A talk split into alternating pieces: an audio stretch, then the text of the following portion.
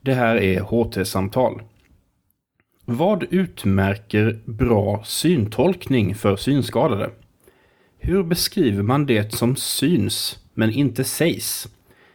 Det här är något som intresserar Jana Holsenova, docent i kognitionsvetenskap. Och i den här inspelningen från Bokmässan berättar hon om sin forskning. Isak Hammar leder samtalet. Då så är det dags för ytterligare ett av våra spännande forskarsamtal här i Lunds universitets monter. Vi fortsätter hela dagen. Eh, nu har vi inte bara ett spännande ämne här utan också ett väldigt angeläget ämne. Jag hälsar eh, dig välkommen här, eh, Jana Holsanova. Du är Tack. docent i eh, kognitionsvetenskap ja, det stämmer. vid Lunds universitet. Mm. Och du är här för att prata om boken eh, Syntolkning, forskning och praktik. Ja. Syntolkning är, trots att det berör en stor del av Sveriges befolkning, relativt okänt för den bredare allmänheten, inte sant? Och detta är det då, kan man säga, bokens ambition att ändra på. Eh, det är den första i sitt slag. Eh, inledningsvis, vad är syntolkning och varför är det viktigt? Ja, syntolkning är jätteviktigt för tillgänglighet för alla personer med synnedsättning och blindhet. Men eh, syntolkning ger faktiskt eh, personer med synnedsättning och blindhet också en möjlighet att eh, tränga in i den visuella världen och få inblick i hur den visuella världen är organiserad. Mm. Syntolkens främsta uppgift är att beskriva språkligt det som syns men inte sägs i till exempel film eller teater. Och eh, tack vare de här språkliga beskrivningarna eh, så aktiveras inre bilder och föreställningar hos brukaren. Mm. Och man kan bättre förstå och leva sig in i vad som händer. Och det syntolken måste göra vid varje ögonblick, varje scen, att välja ut relevant information från den visuella scenen, miljön, karaktärer, ehm, handlingar, kanske vad folk har på sig, kläderna, ansiktsuttryck, gester. All visuell relevant information som är viktig för handlingen. Men det här då, om jag frågar hur det egentligen går till att syntolka så har du du, du, kan göra ett litet eh, experiment på oss, eller en liten tankeövning, är det inte så? Mm. Ja, eh, man kan tänka sig som seende person följande situation. Man eh, sitter i vardagsrummet och eh, tittar på en deckare på TV. Men så plötsligt blir man eh, kaffesugen eller akut kissnödig och måste iväg. Och så under den tiden som man är borta så hör man ett pistolskott och då vet man inte, man ser inte vad som händer, man vet inte vem som sköt. Eh, hur illa gick det? Träffade skottet? Fanns det några vittnen på den här brottsplatsen? Eh, han, Eh, den här skytten undan, han eh, fly från den här brottsplatsen. Och svar på alla dessa frågor skulle även en seende person som är borta från den visuella intrycken få genom syntolkning. Mm. Ska vi säga någonting också? Vi kommer komma tillbaks till det här med film, för det är väldigt spännande exempel, tycker jag också. Men i vilka sammanhang förekommer syntolkning? Kanske ska säga något om det? Vi har i Sverige ganska duktiga eh, aktörer i, och syntolkare som gör både live-syntolkning mm. på bio men som också spelar in syntolkning på, och film på DVD och mm. i appar. Och när man syntolkar eh, live på bio så eh, sitter ju den eh, seende publiken och syntolken och den icke-seende publiken på samma plats. Mm. Och då är syntolkens roll att eh, överföra det visuella, viktig visuell information till språket och med målande språkliga beskrivningar skildra vad som händer på duken. Mm. Om eh, det är någon händelse, man byter tid och rum, eh, spännande miljöer, karaktärerna, hur de agerar, deras gester och eh, deras icke-verbala beteende. Men eh, det kluriga är att syntolken måste passa på att beskriva det i pauserna mellan dialogerna.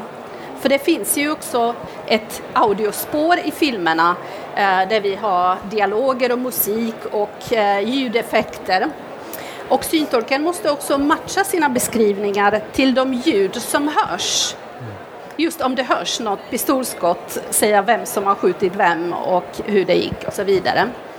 Så det är ganska ansträngande, komplex språklig kognitiv aktivitet mm. som den här syntolken Life eh, måste åstadkomma på bio under en och en halv timme. Mm. Det förstår man verkligen. Något här om boken som då för övrigt är gratis för den som vill ta den. Eh, också finns att ladda ner kan vi säga redan nu så vi inte glömmer det. Alltså, bokens upplägg tycks central i sammanhanget. Alltså det heter forskning och praktik. Eh, kan du beskriva det här upplägget, bokens upplägg och varför ni har valt det här? Boken är ju egentligen resultat av de seminariedagarna om syntolkning som jag och mina kollegor har organiserat eh, under många år. Och eh, den eh, boken innehåller då dels bidrag från forskare från olika discipliner Eh, litteraturvetare, filmvetare, kognitionsvetare, eh, forskare inom eh, tolk och översättningsvetenskap, språkvetare. Men vi ville också ha med röster från samhället, från den icke-akademiska världen, alla som berörs på något sätt eh, av syntolkning. Så vi har representanter eh, från intresseorganisationer, brukare, eh, syntolkar, eh, utbildare i syntolkning och eh, Myndighet för tillgängliga medier, SRF, Unga med synnedsättning och så vidare. Mm.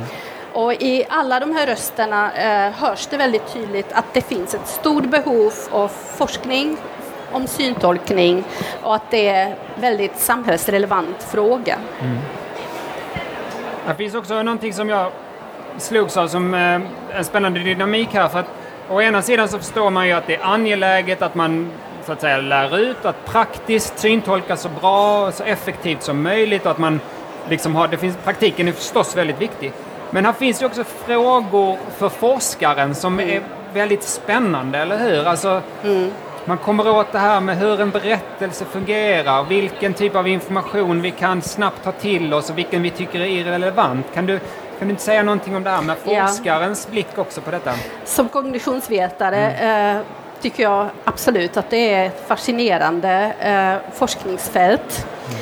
Vi kan ju följa de här kopplingarna mellan språket och tänkande, eh, mm. kopplingen mellan hur vi uppfattar världen, hur vi förstår vad andra säger, hur vi eh, uppfattar vad andra föreställer sig. Eh, och eh, Forskningsfrågorna är många. Eh, en fråga som jag eh, har lyft upp eh, förra veckan på SRF-konferensen som jag ombads om att lyfta fram var ju hur man beskriver gester, mimik och ansiktsuttryck som personer med synnedsättning och blindhet inte kan se men som de enligt våra intervjuer och undersökningar är väldigt glada för.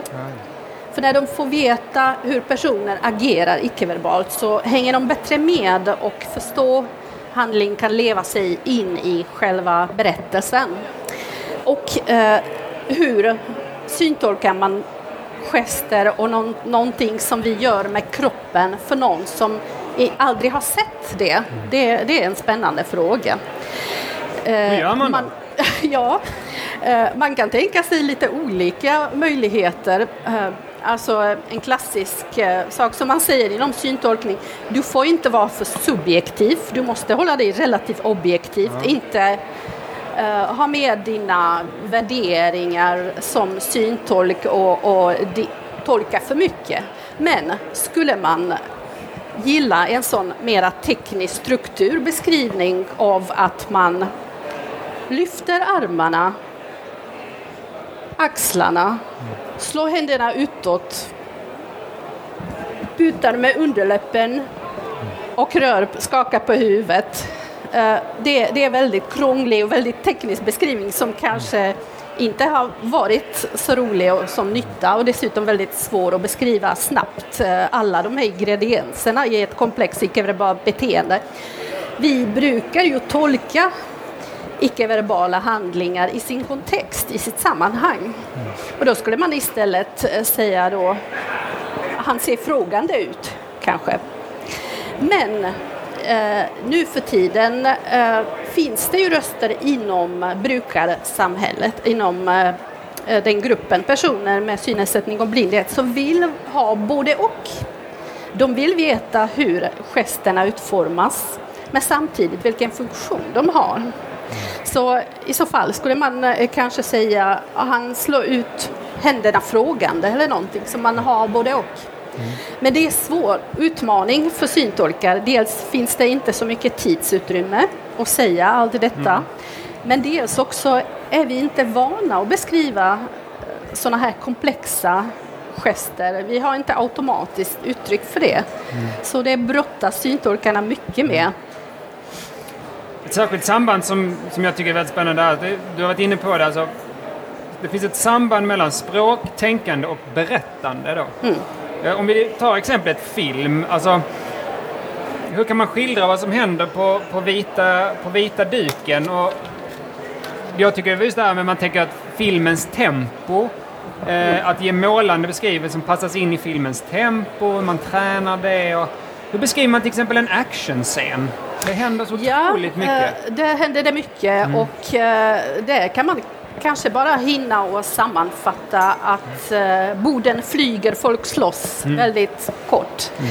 Det är också väldigt svårt eh, att syntolka till exempel sammanfattningar till filmserier där man på 15 sekunder visar massa scener och, och personer och händelser som har varit i de senaste eh, delarna och samtidigt eh, är det dialog på gång och folk pratar. Och då måste syntolken hitta något väldigt effektivt, kärnfullt sätt att beskriva detta och inte eh, kanske störa dialogen så mycket. Så, så det är en utmaning. Om man frågar syntolkar så säger de också att eh, det är väldigt svårt att syntolka eh, sexscener. Mm. Eh, svårt, dels är vi inte vana att använda orden och, och dels också känslomässigt om det är en våldsscen eller så, så mm. måste man ändå eh, på något sätt distansera sig men samtidigt förme förmedla känslan och intryck och så vidare, vilket är en svår mm. balansgång många gånger. Mm. Det kan ju vara lite snöpligt om, om syntolken helt plötsligt bara säger de har sex och sen är tyst. Ja, eh, om man då tar det från det andra hållet så att säga. Alltså, hur, hur verbala beskrivningar av visuella scener mottas. Vad säger synskadade att de vill höra? Ja, det är eh, som du, precis som du säger, inte bara produktionssidan som är intressant, vad syntolken gör och hur uh, syntolken gör, men också hur de här syntolkningarna av film och teater och visuella scener överhuvudtaget tas emot av brukare. Dels eh, hur de tolkar det de hör, hur de föreställer sig de scenerna som beskrivs språkligt och alla dessa frågor kring eh, hur deras eh, mentala bilder, hur deras inre bilder och föreställningar aktiveras så att de upplever ungefär samma sak som seende. Mm. Eh, det är en väldigt spännande fråga. Mm. Vad är det då vi liksom avrunda lite och slutningen, man blickar lite framåt. Alltså, vad, är det, vad är det forskningen om syntolkning egentligen kan bidra med? Och vad tycker du själv är mest angeläget att forskningen tar sig an i framtiden? Jag tycker för det första att eh, forskningen på området syntolkning måste vara tvärvetenskapligt. Det är många discipliner som har mycket att säga om syntolkning och det är ett sådant komplext fenomen som bara kan belysas från många olika håll. Vad den ska handla om eh, är för det första eh, man kan säga ämnet som saknas fortfarande inom syntolksforskningen är eh, hur man syntolkar för barn. Barn i skolan, eh, för den integrerade skolan, där har man dels inte så mycket information om vad som händer, vilka filmer och teaterföreställningar syntolkade men också lärarna behöver kompetensen att kunna hjälpa de här barnen och sen syntolkar behöver också strategier eh, effektiva sätt att eh, kommunicera till barnen för det skiljer sig ju från att syntolka för vuxna. Mm. Och eh, jag tror också att fortsätta eh, forska om de här inre bilderna och föreställningarna, hur, uh, synt hur syntolkar producerar och hur uh, brukarna tar emot syntolkning. Den här dialogen mm. mellan blinda och seende är väldigt viktig. Mm. Tack så mycket Janna Holsanova för att du kom hit och pratade med oss. Tack. Boken heter alltså Syntolkning, forskning och praktik och man får gärna ta med sig ett ex härifrån eller eh, ladda ner eh, den från, eh, är det LUs hemsida? MTNs eh, mm. hemsida.